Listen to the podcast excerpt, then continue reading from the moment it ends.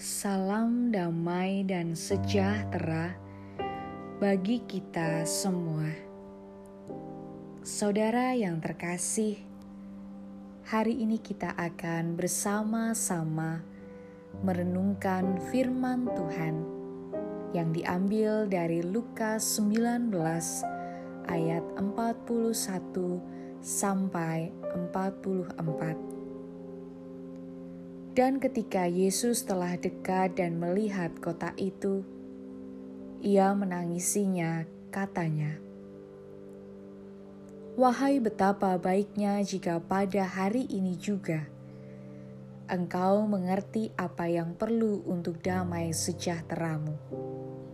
Tetapi sekarang hal itu tersembunyi bagi matamu, sebab akan datang harinya."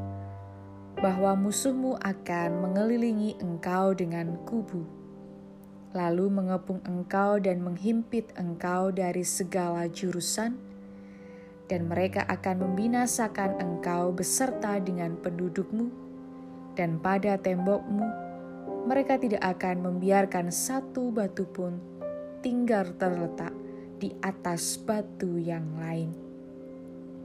Karena engkau tidak mengetahui saat bila mana Allah melawat engkau. Konsisten, Yerusalem artinya kota damai, namun tidak mudah mencari damai di sana. Herodes pernah bertahta, dan ia memerintah pembunuhan bayi di bawah usia dua tahun karena ia takut kehilangan tahta. Bagaimana Yerusalem disebut kota damai? Kalau orang dapat dibunuh kapan saja. Yohanes Pembaptis mati dibunuh. Bahkan tidak hanya itu. Di bait Allah pun tidak mudah menemukan damai. Ahli Taurat dan orang Farisi membuat aturan berkedok agama tetapi dibuat demi kepentingan diri sendiri. Di Yerusalem juga banyak orang mencari untung di bait Allah.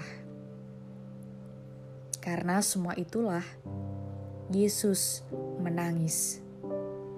Yesus menangisi ketidakkonsistenan Yerusalem yang katanya kota damai, tetapi kenyataannya jauh dari damai. Yesus menangisi kedegilan hati manusia yang masih saja tidak mau bertobat sekalipun Tuhan Allah telah berulang kali memperingatkan mereka.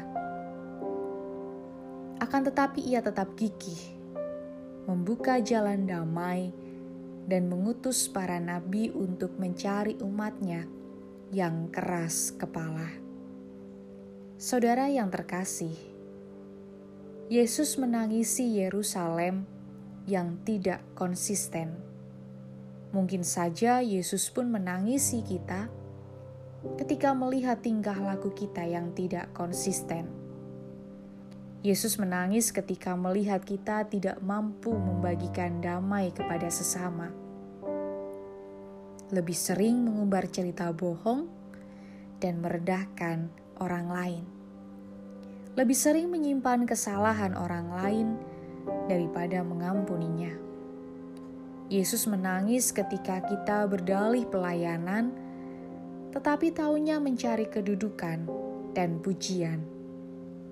Yesus pun akan menangis ketika kita sibuk dengan diri sendiri, lupa memperhatikan sesama. Maka, jika kita diutus mewartakan damai, konsistenlah dengan mewartakan damai itu. Jangan sampai kita membuat Yesus menangis dengan tingkah laku kita yang tidak konsisten, jauh dari damai sejahtera. Jadilah konsisten dengan mewartakan damai bagi siapa pun. Oleh karena itu, selamat mewartakan damai sejahtera, dan Tuhan Yesus memberkati. Amin.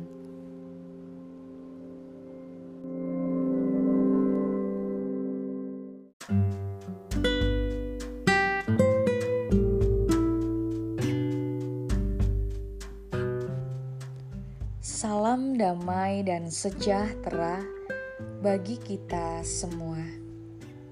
Saudara yang terkasih, hari ini kita akan bersama-sama merenungkan firman Tuhan yang diambil dari Lukas 21 ayat 1 sampai 4. Ketika Yesus mengangkat mukanya, ia melihat orang-orang kaya memasukkan persembahan mereka ke dalam peti persembahan.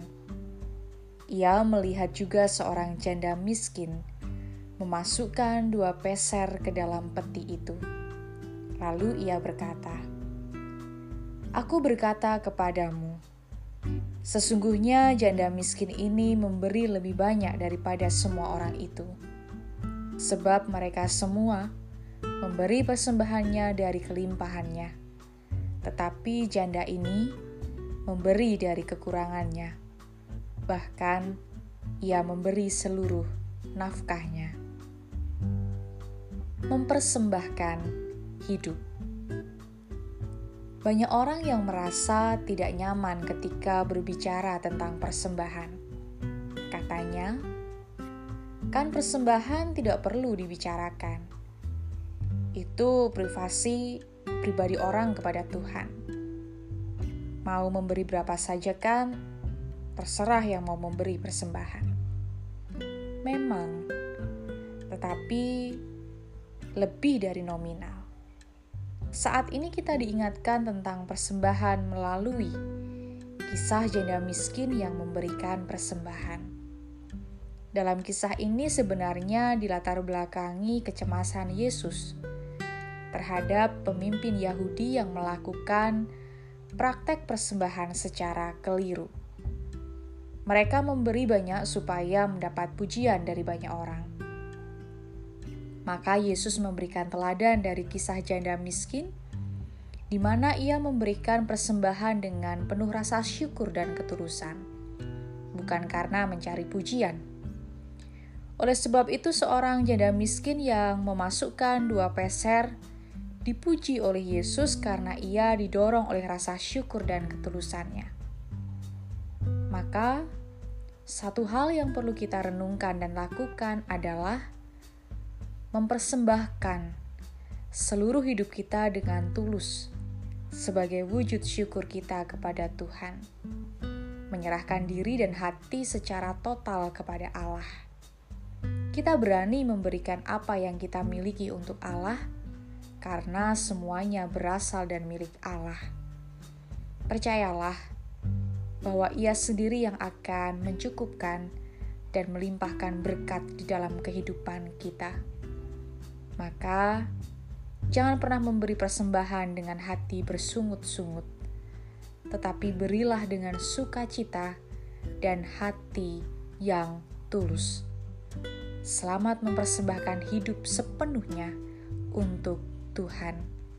Tuhan Yesus memberkati.